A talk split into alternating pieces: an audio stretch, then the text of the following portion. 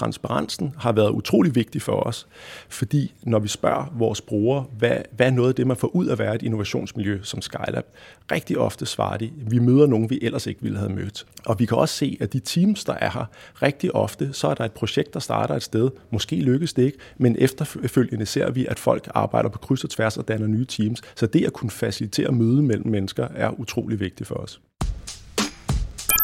Velkommen til Workflow, en podcast om fremtidens arbejdsliv. Podcasten udgives af Ida og udkommer hver 14. dag. Jeg hedder Anders Høgh Nissen. Og jeg hedder Nana Wesley Hansen. Velkommen til. I denne her episode, der tager vi fat i indretningen af fremtidens arbejdsplads. Sådan en arbejdsplads fysiske indretning, den varierer selvfølgelig helt utrolig meget, alt efter hvad det er for et arbejde, der skal udføres. Hvis man laver vindmøllevinger, eller hvis man laver hjerteoperationer, eller hvis man handler med aktier, så skal ens arbejdsplads selvfølgelig indrettes derefter. Så set i det lys, så giver det egentlig ikke rigtig mening at tale om fremtidens arbejdsplads som én ting eller et fænomen. Men en række trends synes at gøre sig gældende for fremtidens arbejdsliv, som også har betydning for den fysiske indretning af arbejdspladsen. Det gælder for eksempel behovet for at styrke innovation, vidensdeling og tværfagligt samarbejde, så vi kan blive bedre til at skabe bæredygtige teknologiske landvindinger. Det gælder også behovet for at styrke diversiteten på arbejdspladsen, så vi får skabt løsninger til alle dele af samfundet og alle grupper af menneskeheden. Og det gælder også nye former for fysisk og digital hybriditet eller augmented reality – Altså hvor den fysiske arbejdsplads og det digitale rum kommer til at spille langt tættere sammen i fremtiden. I dette afsnit tager vi fat i indretningen af fremtidens fysiske arbejdsplads med fokus på at underbygge teknologisk innovation og tværfagligt samarbejde. Det gør vi med et besøg på D2 Skylab, der er bygget til at understøtte innovationsprojekter og skabe rum, hvor studerende, videnskab, forskere, erhvervsliv kan mødes, og hvor forskningsbaserede startups kan blomstre.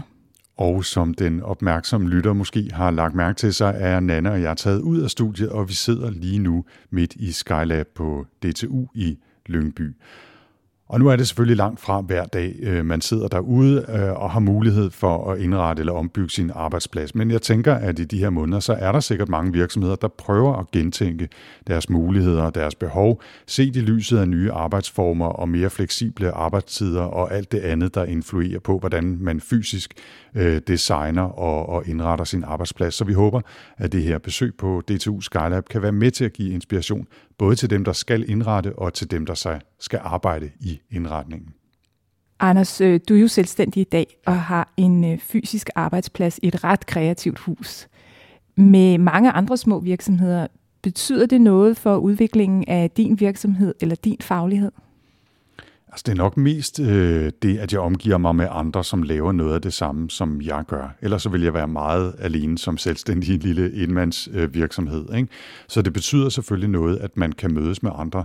Men øh, stedet der, øh, kontorfællesskabet, har lige været igennem en, en ny indretning, en lille ombygning, hvor de har gjort mere ud af at indrette sådan små touchdown-miljøer eller steder, hvor man sidder og spiser frokost sammen, i stedet for at sidde inde på sit eget lille kontor og spise frokost, eller gå ned på en, en, en café i nærheden. Og det betyder faktisk noget, altså det der lidt tilfældige møde, og at det så er hyggeligt at sidde der. Øh, men, men sådan lidt kuriøst kan jeg måske også fortælle, at vi begge to, min, min hustru og jeg, arbejder hjemme meget. Og der er vi faktisk lige gået i gang med at se, om vi kan ombygge et hjørne af soveværelset til et kontor sådan at det ikke virker, som om vi bare sidder midt i soveværelset og har kontor, men med en ekstra væg og lidt af, afskærmning og sådan noget, også så der kan være et lille lydstudie derinde. Og det er jo også noget, som, som kommer som en følge af, af, af hjemmearbejdssituationen, og, og vi kan se, at vi nok kommer til begge to at arbejde hjemme i meget højere grad, end vi har gjort hidtil. Og det der med at sidde ved sit køkkenbord eller øh, i sofaen altid, det, det, det bliver ikke optimalt øh, i længden. Hvordan ser din arbejdsplads ud? Jeg er jo på et universitet, og vi er i nogle øh, gamle bygninger. Det er faktisk et gammelt hospital, det gamle kommunehospital. Der ligger samfundsvidenskab, som jeg hører til. Og det er nogle enormt smukke bygninger. Øh, men det er tydeligvis bygget til noget meget andet, end, det, øh, end det, det bliver brugt til lige Det er ikke noget, der sådan rigtig understøtter innovation og idéudvikling og sådan noget? Nej, øh, og altså, nu skal jeg ikke, jeg er sikker på, at der sker en masse innovation og idéudvikling rundt omkring. Og der er sikkert også nogle måske forskningscentre, som har tænkt rigtig meget over deres fysiske indretning i forhold til at skulle kunne mødes og samarbejde og måske sidde i samme rum. Det er jo faktisk sådan en evig diskussion, øh, som vi i hvert fald har på vores arbejdsplads, eller bekymring, det her med, om man nu skal miste sit, sit ene kontor, ikke? Mm. hvor man kan sidde inde helt alene og koncentrere sig og være i ro og fred, når man skal sidde og skrive. Og det står meget i kontrast til sådan, som mange arbejdspladser, øh, som netop skal lave innovation, jo bliver indrettet, hvor der er meget mere transparens og meget mere fællesrum. Øh, og, og det har vi altså ikke ret meget af. Nej. Altså man kan sige, det har jo været en kæmpe, kæmpe stor trend de sidste mange år. Man bygger stormskontorer, fordi det er økonomisk effektivt, det er fleksibelt, og mm. umiddelbart virker det jo inviterende, og man kan skabe overblik, og det er tilfældige møder, og se, hvad dem arbejder på, som sidder i en anden afdeling, fordi de sidder fire skrivebord ja. længe, øh, længere henne, i stedet for at sidde gemt inde på et eller andet kontor. Desværre så viser de allerfleste undersøgelser, at det ikke fungerer sådan, at folk bliver mærkelige i hovedet af at sidde i de ja. der store rum. Så der er jo også en kæmpe stor tendens lige nu i retning af, at man bygger mere fleksible rum, øh, med flere kroge og øh, mindre gruppearbejdsrum mm. eller øh, funktionsrum, man kan gå ind i, når man laver noget, og så kan man sidde et andet sted, når man laver noget andet, frem for de der store miljøer. Så det håber jeg da også, at, at I henne på det gamle kommunehospital kan finde ud af at indrette på en eller anden måde, øh, ja. når, når tiden kommer til det. Altså noget af det, jeg glæder mig rigtig meget til at se her i dag i D2 Skylab, øh, det er netop det her med en anden form for fysisk indretning, hvor der er tænkt meget bevidst øh, over sammenhæng mellem det fysiske rum og forskningen og de studerende, få inviteret de studerende ind, øh, og det her med at skabe innovation. Og innovation handler jo ikke kun om at få idéer. Altså det handler om at, at kunne mødes og kunne få nogle idéer sammen, men det handler også om at kunne realisere i idéerne, og have nogle arbejdsrum, man så kan gå ind i og faktisk realisere dem. Og det er noget af det, der er tænkt rigtig meget over her. Og jeg synes, at selvom jeg er på samfundsvidenskab, hvor jeg jo ikke lige bygger en raket, som der er nogen, der gør her i DTU Skylab, øh, så kan jeg alligevel godt have brug for faktisk et fysisk rum, hvor jeg kan realisere nogle projekter øh, sammen med nogle andre. Altså det kan faktisk godt give noget, det der med at sidde sammen og meget hurtigt kunne snakke sammen. Og det savner jeg lidt, og det har været en kæmpe udfordring i, i den her coronatid, når man har nogle projekter, at have de der hurtige snakker om, hvordan udvikler vi nu det her, hvilken retning går vi. Hurtige afklaringer simpelthen, så man bare kommer videre. Ikke?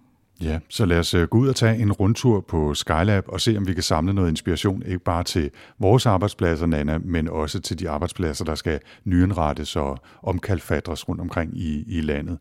Vi skal se på både indretning og faciliteterne, og det skal vi gøre i selskab med direktør Mikkel Sørensen her fra Skylab, og også med arkitekt Nikolaj Overgaard, som har været med til at designe den nyeste udbygning af stedet. Ja, men inden vi skal ud på rundtur, så skal vi lige have præsenteret de to herrer, og I får lov til at gøre det selv. Mikkel, vi begynder med dig. Mit navn er Mikkel Sørensen, og jeg er direktør for D2 Skylab. Og Nikolaj? Jeg er Nikolaj Overgaard. Jeg er direktør i Rørbæk og Møller. Det er os, der har været arkitekter på bygningen. Og Mikkel, før vi øh, går ud og kigger på selve bygningen, har alle de mange faciliteter, kan du så ikke lige give mig det korte pitch på, hvad Skylab egentlig er for noget? DTU Skylab er DTU's innovationshus. Det vil sige, at vi har til formål at tage og hjælpe al den viden, alle de teknologier, de gode idéer fra DTU ud i samfundet og gøre en forskel. Det handler både om øh, de studerende og forskerne fra DTU. Det handler også både om de, den innovation, der kan ske i dag i kvæg nye opfindelser, nye opstartsvirksomheder, men i virkeligheden også at klargøre til fremtidens innovation, altså opbygge det mindset, den kultur, de kompetencer, der skal til at drive innovation ud i fremtiden. Og nu skal vi som sagt ud og kigge på huset, men for lige at sætte scenen eller rammerne, hvor stort er det her hus? Hvor mange mennesker kommer der? Øh, hvor ligger det henne? Vi ligger på øh, DTU's hovedcampus ude i Lyngby, og den totale bygningsmasse her i Skylab nu er 5.500 kvadratmeter. Og øh, selvfølgelig er der lidt forskel fra dag til dag, hvor mange der kommer, men på en almindelig dag vil vi vores dørtaler sige, at der er cirka 400 personer, der er gået igennem. Og hvad er Skylabs historie, hvis du lige kort skal rise den op også? Ja, det er jo en vigtig pointe i forhold til bygningen, vi skal til at se nu. Det er faktisk, at øh, det Skylab, vi står i lige nu, er en tredje generation af Skylab. Den første generation startede vi for cirka 8 år siden, hvor jeg blev hyret ind til at bygge en prototype eller en pilotversion af et innovationshus. Det var et meget lille skala projekt, hvor vi fik nogle midlertidige kælderlokaler, der alligevel skulle rives ned. Og det gav os så muligheden for at teste en masse idéer og koncepter for, hvordan sådan et teknologibaseret innovationshus kunne se ud. Øh, men det var kun et par mennesker i en kælder, som sagt. Vi gjorde os en masse erfaringer, begik en masse fejl, og tog nogle af de erfaringer og den viden videre til en anden generation, vi så byggede cirka to år senere, som var en eksisterende bygning, vi renoverede, som ligger i umiddelbar forlængelse af, hvor vi står i dag. Der fik vi skaleret det op, og vi på det tidspunkt var vi jo måske blevet en øh, 10-12 medarbejdere eller noget i den størrelsesorden. Og der fik vi så øh, en kritisk masse. Vi begyndte lige pludselig at få øh, rigtig mange brugere af huset. Vi begyndte at se en markant vækst i antallet af startup-virksomheder, ikke mindst fra de studerende. Og på et tidspunkt havde vi brug for en større kapacitet end det, vi kunne tilbyde. Vi kunne også se, at der var en enorm interesse fra forskningsmiljøerne øh, om at få innovationsunderstøttelse, og, og ikke mindst det omkringliggende erhvervsliv og industri, som vi også gerne vil lave samarbejde med. Og derfor gik vi så ud i dialog med den AP Møllerske Støttefond, som var så venlig at give os en stor øh, donation til at realisere en markant udvidelse af Skylab. Det var så en udvidelse, der byggede videre på den anden generation øh, og tilføjede den tredje generation, hvor vi så står i dag. Og lige kort nogle årstal på starten, anden generation og tredje generation. Vi startede tilbage i 2013, cirka to år senere fik vi øh, anden generation, og så her øh, for godt et år siden udvidede vi så med den tredje generation. Tak for det. Lad os gå ud og kigge på det. Ja, forløbet kan vi måske starte med at sige, at vi er oppe på, jeg ved det, niveau 2. Niveau 2, ja. ja. Vi er oppe på anden sal her øh, i Skylab, hvor øh, vi har øh, arbejdspladserne, de almindelige kontorarbejdspladser. Og det, der er værd at lægge mærke til her, synes jeg, er, at øh, det er en blanding af medarbejdere og, og brugere af huset, altså dit hus forskere, studerende og øh, iværksættere, der er her, øh, både på kontorpladserne og inde i mødelokalerne, som vi kan se omkring os. Så det er sådan rimelig almindelige øh, kontorfaciliteter, der er her. Men jeg noterer mig, at det er lidt en blanding af noget åbent og så nogle lukkede kontorer. Og det tænker jeg, der er en idé i også. Ja, det var noget, som vi snakkede rigtig meget med Rørbæk og Møller om øh, undervejs, hvordan at vi kunne sikre en transparens, en åbenhed i bygningen, øh, og samtidig selvfølgelig også sikre, at man øh, kan sætte sig ind i et lokale og føle, at man kan koncentrere sig osv. Øh, for det er jo selvfølgelig altid en, en form for dilemma, balancen mellem de to. Men transparensen har været utrolig vigtig for os, fordi når vi spørger vores brugere, hvad, hvad er noget af det, man får ud af at være et innovationsmiljø som Skylab, rigtig ofte svarer de, vi møder nogen, vi ellers ikke ville have mødt. Så det, at vi kan facilitere møde mellem forskellige typer kompetencer, forskellige typer mennesker, øh, møde på tværs, er øh, øh, ret øh, øh, specielt og vigtigt for stedet. Og også især et sted for Skylab, som Skylab, hvor vi kan have en, øh, en direktør for en kæmpe stor virksomhed gående side om side med en ung studerende. Øh, vi har investorer, professorer, studerende, iværksættere osv., der møder hinanden på kryds og tværs. Og vi kan også se, at de teams, der er her, rigtig ofte, så er der et projekt, der starter et sted. Måske lykkes det ikke, men efterfølgende ser vi, at folk arbejder på kryds og tværs og danner nye teams. Så det at kunne facilitere møde mellem mennesker er utrolig vigtigt for os. Nikolaj, øh, du har rakt hånd i vejret som en, en meget høflig elev, men før du får lov til at, at, byde ind selv, så bliver jeg simpelthen lige nødt til at spørge dig, om du ikke vil, som arkitekten blandt os, øh, beskrive øh, hvad vi ser her, fordi selvom vi står på en, en relativt almindelig kontoretage, så kan vi jo se rundt i bygningen. Ja, præcis. Jeg tror også, det var derfor, jeg rakte hånden i vejret. Man skulle nærmest tro, vi havde koordineret. Men man kan sige, Mikkel nævner jo to centrale begreber, transparens og mødet. Og hvis vi starter med transparensen, så er det jo noget af det, der bliver arbejdet meget detaljeret og meget nuanceret med i den her bygning. Øh, og vi kan se her, at vi har en perforeret stålplade lige ved siden af, som gør, at man er delvist afskærmet her. Hvis man vil ud i det store rum, så går man ud på balkongen. Vi er lige gået forbi nogle arbejdspladser, der sidder i åben forbindelse med gangzonen, og der er også kan man sige, arbejdet med, at det ikke bare er glas, men man er sådan delvist afskærmet, så der er øh, altså i tæt dialog, vil jeg sige, med Mikkel og Skylab, har man ligesom fundet de her grader af transparens for at både understøtte funktionaliteten, fordybelsen, men hele tiden holde den der dør på klem for mødet, som er det helt centrale for alle videnstunge arbejdspladser og uddannelsesinstitutioner. Ikke? Ja. Og jeg vil sige øh, så, øh, som en parentes og til jeres ros, at jeg allerede har lagt mærke til, at har en god akustik. Det er jo sådan noget, jeg lægger mærke til, når jeg tænder for en mikrofon og tager hovedtelefoner på. Ikke? Så, øh, så øh, det, er, det er lykkes altså over, øh, over al forventning, eller i hvert fald øh, over standard. Nå, Mikkel, vis, yes. vis vej.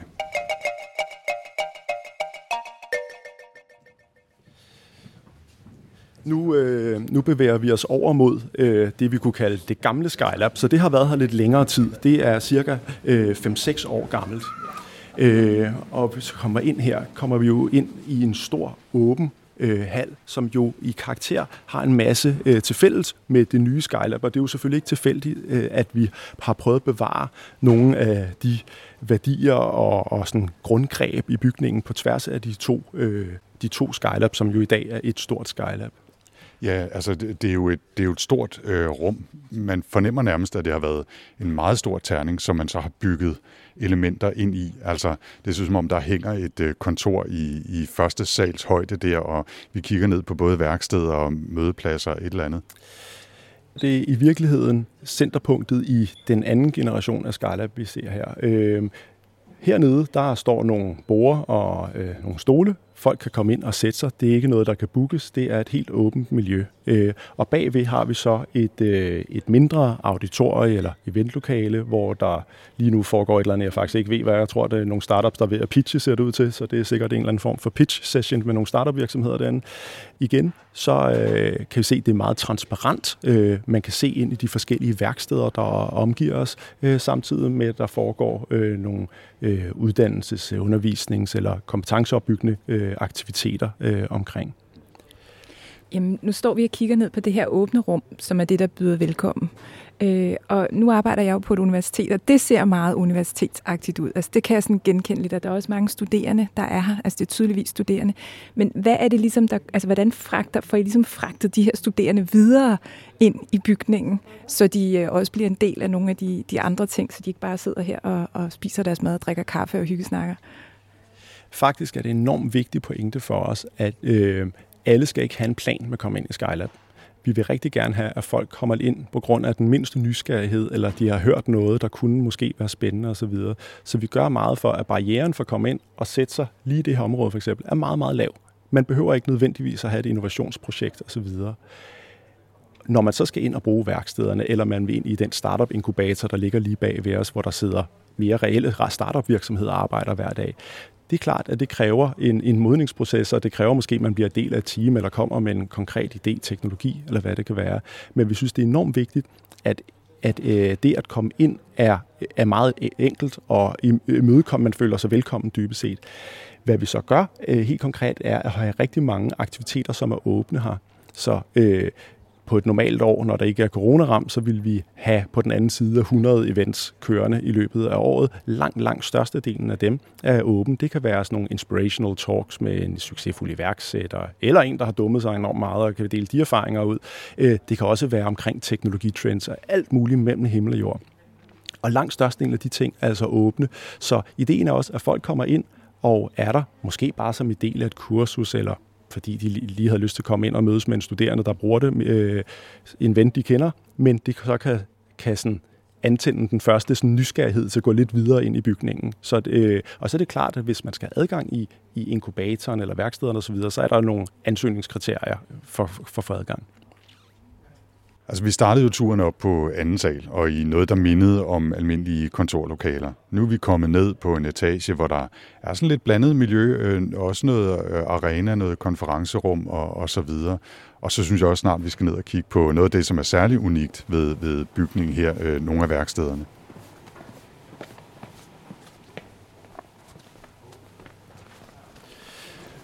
Nu står vi så midt i øh, den anden generation af Skylab, og som vi kan se omkring os, så har vi CNC-fræser, robotarme, drejebænke osv. Øh, lige inde på den anden side af vinduerne foran os her. Jeg siger altid, at øh, i, i den del af Skylab, vi står her, der er noget af det dyreste, var de vinduer, der er lige der, som vist nok koster 11.000 kroner kvadratmeteren, fordi de skal dæmpe, øh, jeg kan ikke huske, 48 dB og det ene og det andet. Men vi synes, det var utrolig vigtigt, at man netop ikke adskilte øh, det at sidde og arbejde med en business case, eller hvad det kunne være, man gør herude, med teknologiudviklingen, der foregår inde i værkstederne. Så det at kunne se, det ser ud til, at øh, ham der har ret godt styr på sin, øh, sin CNC-fræsning, eller hun har rigtig godt styr på sit business model canvas, eller hvad det nu kunne være. Det synes vi er enormt vigtigt, så derfor har vi virkelig opprioriteret det også her igen, den her sådan, åbenhed og transparens, som vi også så øh, op på anden salen. Jeg synes simpelthen, vi skal udnytte det, og så gå helt hen og øh, måske ikke øh, knuppe næsen mod øh, ruden, men dog gå hen og kigge ind i, øh, i maskinværkstedet her, fordi det er, det er altså virkelig, jeg kan nærmest, på trods af de lyddæmpende ruder, øh, lugte maskinolien her, herude. Altså det er virkelig, øh, der, der sker noget arbejde derinde, det gør der altså. Her har vi et metalværksted. Lige ved siden af har vi et træværksted. Ved siden af igen har vi et, et 3D-printværksted. Vi gik lige forbi nogle biologiske laboratorier lige før. Over i hjørnet her har vi et fødevarelaboratorium på 300 kvadratmeter.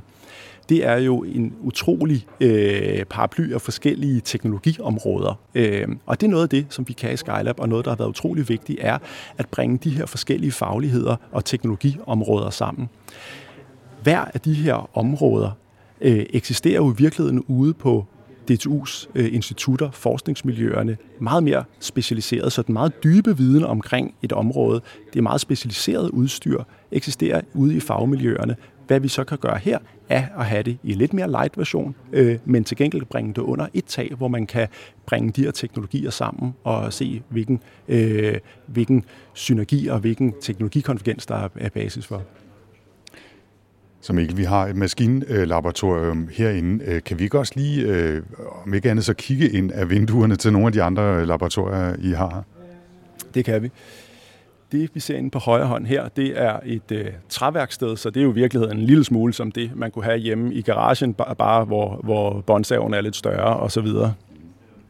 Og det her er så rapid prototyping, kan jeg se. Ja. Det er noget med 3D-printer og sådan noget. Ja, og det er laserskærer, der faktisk er herinde. Vi har 3D-printerne også over ved siden af. Øh, og noget af det, der er, øh, man kan bemærke her, er jo, at der er sådan en, en lille øh, swipe your card her. Øh, og det, grunden til, der er det her, er fordi, at der er faktisk åben 24-7 ind til det her. Så det, husets brugere har faktisk adgang til for eksempel det her værksted i døgndrift. Det er jo grundlæggende, fordi at øh, det ikke er farligt at være derinde. Så vi, vi er ikke bekymrede for, at der kan være skader på personer her. Øh, og vi vil helt grundlæggende gerne have huset så åbent og så tilgængeligt som overhovedet muligt. Det er klart, at lige præcis med en drejebænk mener vi ikke, at det er forsvarligt at have den øh, åben øh, midt om natten, øh, når der ikke er personale til stede. Men der er en andre ting, nogle 3D-printer og nogle af laserskærerne osv., noget elektronik, som man sagtens kan arbejde med, selvom der ikke er personale til stede. Og det her for ikke de eksempler, så det er i virkeligheden åben i døgndrift for husets brugere. Vi lavede en, øh, en undersøgelse for et par år siden, hvor vi kiggede på, jamen, hvad er aktiviteten egentlig uden for de almindelige arbejdstider? Og der var vi da øh, ret hårde, så vi sagde, uden for almindelige arbejdstider, det er efter klokken 10 om aftenen og før klokken 6 om morgenen. Og der havde vi over 4.000 registreringer i løbet af et år, så der er faktisk virkelig, virkelig mange, der kommer og bruger miljøet ude for de almindelige tider. Og det tror jeg netop er sådan det, noget af det, som sådan en åben miljø som Skylab kan, det er, at man kan tiltrække nogle af de mennesker, som synes, det er så forbandet vigtigt det, man sidder og arbejder med. Den idé er så god, eller den adresserer så vigtig en udfordring i samfundet, at man bare må sidde og arbejde på den, også selv klok- om klokken er to om natten. Så er der noget elektronik lige øh, i nabolaboratoriet her. Det er simpelthen et øh, basis øh, elektronikværksted. Øh, øh, vi har også nogle andre elementer rundt omkring, men øh, her er der med måleudstyr, loddekolber og så videre. Og lige inde ved siden af skifter vi så lidt genre igen, for der har vi faktisk et fødevarelaboratorium, hvor vi har en øh, fantastisk øh, italiensk kok ansat, der driver det. Han er desværre i Italien lige nu, men øh, vi har sørget for, at døren var åben, så vi kan godt lige kigge ind alligevel. Lad os gøre det. Fødevarelaboratorium. Det lyder spændende. Overskriften på det fødevarelaboratorium det er Sustainable Food Systems. Så det handler ikke nødvendigvis om gastronomi som sådan. Der er nogen, vi har nu også nogen, der udvikler fødevareprodukter, men det handler, øh, det handler lige så meget om produktionsmetoder, om landbrug osv. osv. Det ligner altså, at de står ved at lave julekager. Jeg siger det bare. Så kan du, så kan du tale nok så meget om sustainable landbrug og alt muligt andet. Vi kan prøve at gå ind og spørge dem, hvad de laver. At det, det ligner fuldstændig nogle julekager. Mit bud er, at de laver det på et eller andet restprodukt for et eller andet, øh, som ellers ville gå til spilde, eller noget af den stil. Vi kan prøve at spørge Ja, lad os lige stikke snuden indenfor, hvis vi, hvis vi ikke... Øh, hvad hedder det? Ah, det er ikke et klinisk øh, rent miljø, kan jeg se. Vi bliver simpelthen nødt til at gå ind og spørge, hvad det er. Hello. Making Christmas cookies? Based on fava beans with spinach, sweet potato, and some spices.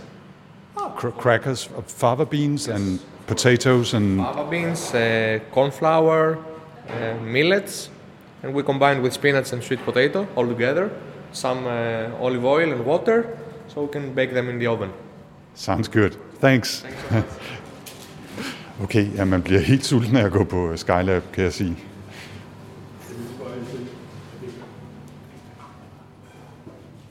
Nu går vi jo rundt og ser på de her øh, værksteder, og vi er lige gået ud fra sådan et, et, et åbent område, hvor de studerende kom ind, og, og værkstederne ligger ligesom rundt om det her område. Øh, du har arbejdet rigtig meget med universiteter, bygget til universiteter og til uddannelsesinstitutioner i mange, mange år. Øh, hvad er det, der er, har været særligt ved den her opgave som arkitekt? Det var en rigtig fantastisk opgave i forlængelse af af de mange universitetsprojekter, vi har lavet, fordi her, der er man, her vil man jo videre, her vil man gå længere, her vil man, her vil man innovere. Så det er jo ikke bare at sætte en kaffemaskine op i et hjørne og lave et, et touchdown-mødecenter, sådan, og så se, tænker man, sker der mod noget? Altså her har man på den ene side institutionen Skylab, som driver det, som altså, trykker det igennem, at man vil have møderne skal opstå, øh, den nye viden skal opstå. Øh, og så har vi jo øh, haft muligheden for her ligesom at putte alle ingredienserne i til den ambition.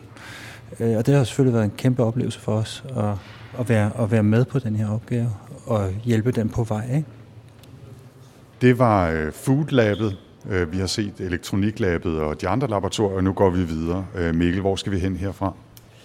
Nu synes jeg, at vi skal gå tilbage mod øh, det nye Skylab og den kobling, der er mellem den anden og den tredje generation af Skylab, når vi kommer herud.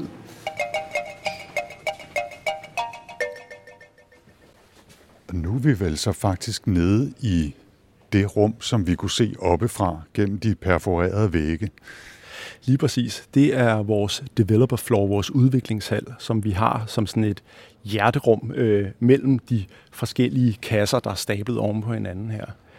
Og som man kan se, så byder det jo på øh, en udviklingshal fyldt med forskellige projekter og forskellige teknologier, øh, der er rundt omkring. Der er nogen herover der arbejder med automatisering af noget, noget landbrugsudstyr. Her er der over er der nogen, der arbejder med laserbehandling af kroniske sår. Øh, vi har alle mulige forskellige typer af projekter, der arbejder herinde. Og når man kommer ind, man må sige, der er jo der er højt til loftet her, øh, bogstaveligt talt. Det er et sted, hvor man kan mærke, at der er plads til lidt store armbevægelser. Og jeg synes også, der er bevaret en form for råhed i, i, øh, i udtrykket. Og det har været enormt vigtigt for os, at selvom det er en smuk arkitektur, synes vi, så skulle det stadig bevare noget kant og noget råhed, der gjorde, at det skulle ikke være et sted, hvor man er bange for at prøve ting af. Det skal netop være et sted, hvor man tør tænke stort, man får jord under neglene, man tør fejle.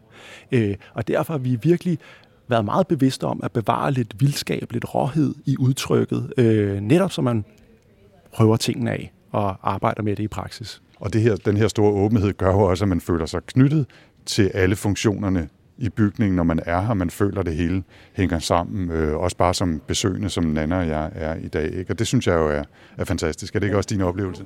Og at der er helt vildt rart at være inde i det her rum også. Men der sker også virkelig noget med lyden og med indeklimaet. Altså faktisk fra, fra, øh, fra anden generation til tredje generations bygningen. Og jeg, jeg ved ikke rigtig, hvad det er, I har gjort, men har virkelig sådan, det, man har sådan lidt følelsen af, at man faktisk er i et kontorrum, men det er bare kæmpe stort. Det er lidt ligesom at træde ned i et varmt bad et eller andet sted, øh, når man kommer herind. Det er, det er en stor kompliment. Det er, det er ikke alle steder, der kan løse den opgave. Altså i virkeligheden er det jo, har det jo en høj grad af intimitet her.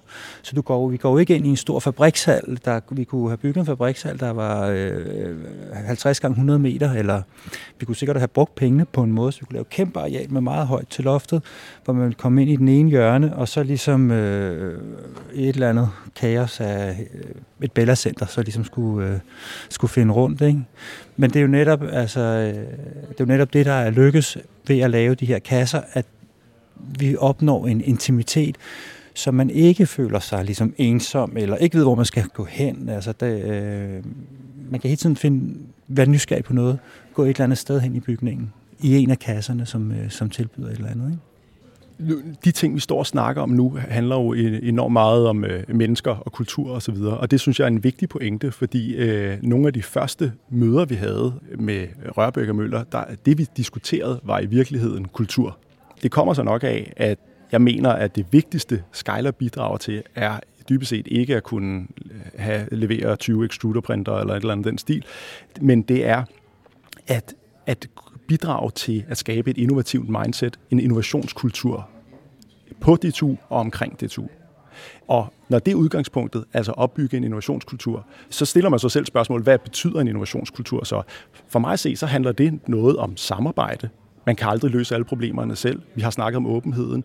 Øh, det handler også noget om at være risikovillig, turde tænke stort. Vi har snakket om råheden, der er i bygningen. Det handler også om at kunne sadle om undervejs, når der er noget går galt, at tilpasse sig. Vi har også snakket om den fleksibilitet, der ligger i bygningerne. Så de tre, kan man sige, øh, arkitektoniske greb, der er i kring Skylab, er jo meget, meget tæt koblet til den kultur, vi ønsker øh, at opbygge. Og det synes jeg er en enorm væsentlig øh, pointe. Og hvis jeg skulle pege på noget, som jeg synes, vi lykkedes med her, så er det lige præcis at koble de her værdimæssige, de kulturmæssige aspekter med den konkrete arkitektur.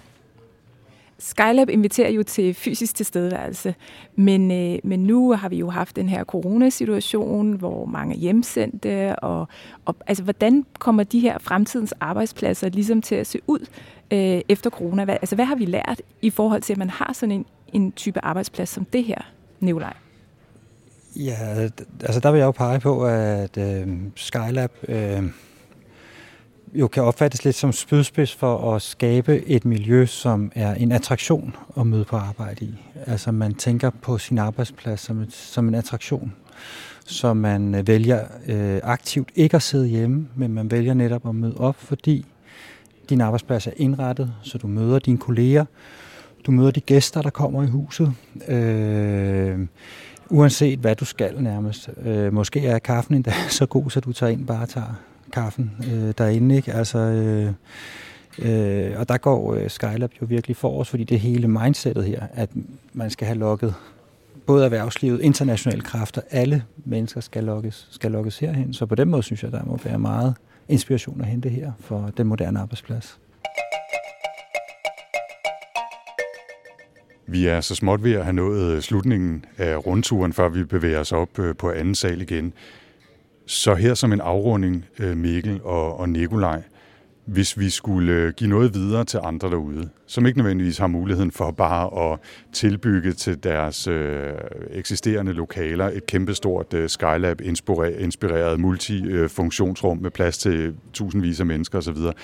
Hvad tænker I, at andre kan tage med sig fra det, I har lært her på Skylab, enten er at lave det eller bruge det, til deres egne arbejdspladser, også måske i, i lidt mindre målestok. Hvad, hvad synes I, at man skal lade sig inspirere af, øh, når man kigger på, på Skylab? Mikkel? Jeg synes øh, nok et par ting. Den ene ting er, at alle de ting, vi har udviklet Skylab, eller i hvert fald størstedelen af dem, har vi været i stand til at teste i en mindre skala inden.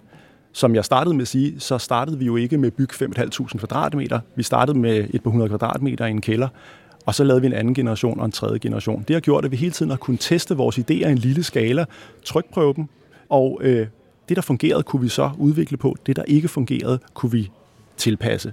Det synes jeg har været et meget fundamentalt princip omkring Skylab. Og den anden ting, jeg så vil påpege, var det, jeg nævnte før, at det handler om mennesker. Øh, det handler om kultur osv., i hvert fald i vores tilfælde. Og derfor er det også det, der skal være fokus i, hvad end løsninger man vælger, skal det, tror jeg, det skal afspejle. Så det er enormt vigtigt. Ja, så tror jeg, jeg vil prøve at sige det så enkelt som, at hvis man kan finde øh, i sin virksomhed eller sin institution en kulturbærer, altså en, der brænder for det, og man kan finde en god arkitekt, så behøver det ikke være 5.500 øh, kvadratmeter eller koste spidsen af en jetjager. Øh, så øh, skal man egentlig sætte de to sammen, og så øh, bakke det op fra ledelsens side og sige, prøv at høre, nu vil vi teste nogle ting af, gøre nogle ting anderledes. Få højere til loftet, i hvert fald mentalt indrette nogle andre ting, skabe nogle andre faciliteter, og så må man starte der, hvor man kan tilvejebringe nogle kvadratmeter. Jeg tror sådan set ikke, der er noget sted, der er, i hvert fald ikke til en start, der er bedre eller dårligere end andet. Det er simpelthen noget med at små ærmerne op og komme i gang, vil jeg sige. Så helt til aller, aller sidst, er det her simpelthen fremtidens ingeniørarbejdsplads, Mikkel? Det er en af dem måske. Jeg tror ikke, der er en model. Som sagt, så tror jeg, at øh, ting er temmelig kontekstafhængige og meget kulturafhængige. Så jeg tror, at det er en model, der passer til, hvad vi prøver øh, at opnå her med det innovationsmiljø. Jeg tror, i, i en anden type virksomhed vil det se fuldstændig anderledes ud. Tusind tak, øh, Mikkel og Nikolaj. Lad os øh, gå tilbage op øh, til der, hvor vi startede, så rundturen bliver komplet. Ja, og så kom vi tilbage fra vores øh, rundtur her på DTU Skylab, og vi var jo selvfølgelig i selskab med Nikolaj Overgaard fra Rørbæk og Møller og direktør Mikkel Sørensen her fra DTU Skylab. Der var mange indtryk. Vi så mange ting, både madlaboratorier og kontorer og caféer og alt muligt andet. Nana, hvad har du taget med dig af indtryk fra turen? Jamen, rigtig mange øh, forskellige ting. Altså det første, nu arbejder jeg jo også på et universitet, og øh, jeg underviser faktisk ikke ret meget. Og jeg sad lige i går og snakkede med en kollega, som har nogle studerende, øh, hvor de havde snakket om noget af det, som jeg forsker i, og hvor jeg sagde, har du ikke nogen studerende, som måske har lyst til at lave en opgave om det her, så må du gerne sende dem op til mig. Øh, fordi jeg vil gerne, altså det, det, det giver noget, det der med at have en interaktion med de studerende i forhold til, til ens øh, forskning faktisk. De får også nogle gange nogle idéer. Øh, og den adgang har jeg ikke særlig meget, fordi jeg simpelthen ikke står ude i undervisningslokalerne, de studerende får heller ikke altid øje på mig. Og der synes jeg, der var noget omkring, altså det her med, at her der har man faktisk en fysisk indretning, hvor man har tænkt over, hvordan de studerende også skal skulle komme tæt på, på forskningen, og hvor det lykkes ret godt. Øh, og det handler jo om det her med at, at holde det åbent. Altså, det er ikke noget, du skal søge om. Der er ikke nogen særlige koder, der gør, at du ikke kan træde ind i den her bygning. Du kan træde ind i den her bygning, så går du op til den gode kaffeautomat, og så køber du en kop kaffe, og så sætter du dig. Og det kan være, at du sidder der med nogle af dine medstuderende. Det kan være, at du får øje på nogle af medstuderende, du kan gå hen og snakke med, så måske bruger bygningen mere, og så finder du ud af, hvordan du kommer videre ind i den. Øh, og det, det kunne jeg enormt godt lide. Altså den her åbenhed, og det her med, og den nærhed, der er mellem, fysisk mellem nogle forskere og nogle, også nogle virksomheder, nogle startups, øh, og, og de studerende. Øh, og det har jeg ikke set nogen steder der, hvor jeg er. Det, det kunne være virkelig fedt, hvis man kunne åbne en bygning op på den måde og begynde at tænke det, det mere. Mm. Øh, og så vil jeg så også sige, jeg har jo også i mit arbejde rigtig meget øh, kontakt til, til organisationer og virksomheder. Igen, det har mange af mine kollegaer ikke i samme grad, som jeg har. Det kunne da være fedt, hvis man på en eller anden måde havde, et rum, hvor der kom synlighed omkring nogle af de spændende ting, der blev lavet, øh, også for nogle af de virksomheder, jeg er i kontakt med, og jeg måske er med til at invitere dem ind, eller sådan noget. Og der, øh, der, der kunne man ligesom sådan fornemme, at ved at man har de her laboratorier, nu arbejder jeg jo ikke i laboratorier, men laboratorier, værksteder osv., og ligesom får koblet nogle forskere på, som måske er i stand til at være med til at bygge de der broer, øh, og får de her forskellige funktioner ind i bygningen, så, så, så, så bliver det ligesom muligt. Mm. Og så har jeg i øvrigt også bare utrolig rart. Hold da op en, en akustik, altså. Ja, du, nu har, ved jeg godt, at vi har øh, nævnt det på rundturen et par gange, øh, hvad der måske og måske ikke er kommet med i den redigerede udgave, ikke? men øh, som en, der går øh, og er meget opmærksom på lyd og har en mikrofon og hovedtelefoner på på sådan en rundtur, så lader jeg virkelig mærke til det. Altså, det er overvældende, hvor god en lyd der er, selvom der altså er både folk, der sidder og arbejder på kontorpladser og et skidestort værksted nede i stueetagen. Altså man kan stadigvæk bare gå og føre en almindelig samtale, uden at det støjer. Og så kan det godt være, det er anderledes, hvis der er 500 mennesker, der står nede i stueetagen og kværner på de store maskiner. Ikke? Men det mest larmende er jo også lukket inde bag øh, isolerende ruder, så selvom at man så ikke kan høre dem, så kan man stadigvæk se dem og fornemme, at de er en del af, af mm. lokalet. Jeg synes virkelig, virkelig, det er velgennemtænkt. Og så noget af det, som jeg også synes var, var fascinerende, det er, hvordan det er lykkedes at bygge en fornemmelse af opdagelse og udforskning ind i noget, som basalt set er nogle store klodser, der er sat sammen som Lego med nogle funktioner inde i. Altså man har sådan en fornemmelse af, så kommer man rundt om et hjørne, så kan man se noget andet, og nå, så kan man lige pludselig se ned på i stueetagen op fra anden sal og se, nå, der hænger en raket, eller der står nogen er ved at ved ikke, koge nogle alger i et kar eller et eller andet, ikke? og så går man rundt om et andet hjørne, og så er der pludselig et mm. event space, hvor nogen står og pitcher deres startup og sådan. Altså, det synes jeg virkelig fungerer godt. Uden at det bliver labyrintisk eller uoverskueligt, så har de skabt en mm. fornemmelse af, at, at man ligesom selv er på opdagelse, og det synes jeg jo også på sådan en, en metamåde er med til at udtrykke, hvad det er, stedet kan. Ikke? Altså at man er på en opdagelsesrejse, øh, mm. øh, både som studerende eller besøgende virksomhed, eller hvad det nu er. Ikke? Jo. Men Anna, øh, vi kan ikke blive siddende her på Skylab. Vi skal videre. Vi skal først tilbage til studiet, og så skal vi også i gang med en senere sæson, så jeg synes, vi skal pakke sammen. Og så øh, holder vi jo faktisk en lille pause, før vi laver næste ja. episode. Ja. Vi øh, tager en lille julepause her i Workflow, så der kommer ikke nogen nytårsepisode. Så kan man tilbage, gå tilbage og lytte til nogle af de tidligere, hvis man savner os. Og så vender vi tilbage igen den 12. januar 2022, hvor vi fortsætter med at dykke ned i fremtidens arbejdsliv. Ja, og der skal vi snakke om løn. Og så er der ikke mere i denne workflow. Men vi vender tilbage igen altså om en måned, den 12. januar 2022. Hvis du vil vide mere om podcasten, kan du besøge vores hjemmeside på ida.dk-workflow, og hvis du vil skrive til os med kommentarer, idéer til emner og gæster eller andet input, så kan du skrive til os på Twitter med hashtagget WorkflowIda eller kontakte os via Idas hjemmeside. Workflow bliver produceret af Potlab og udgives af IDA, Danmarks Fagforening for Digitale, Naturvidenskabelige og Ingeniører. Jeg hedder Anders Høgh Nissen. Og jeg hedder Nana Wesley Hansen. Tak for denne gang, og glædelig jul. Glædelig jul.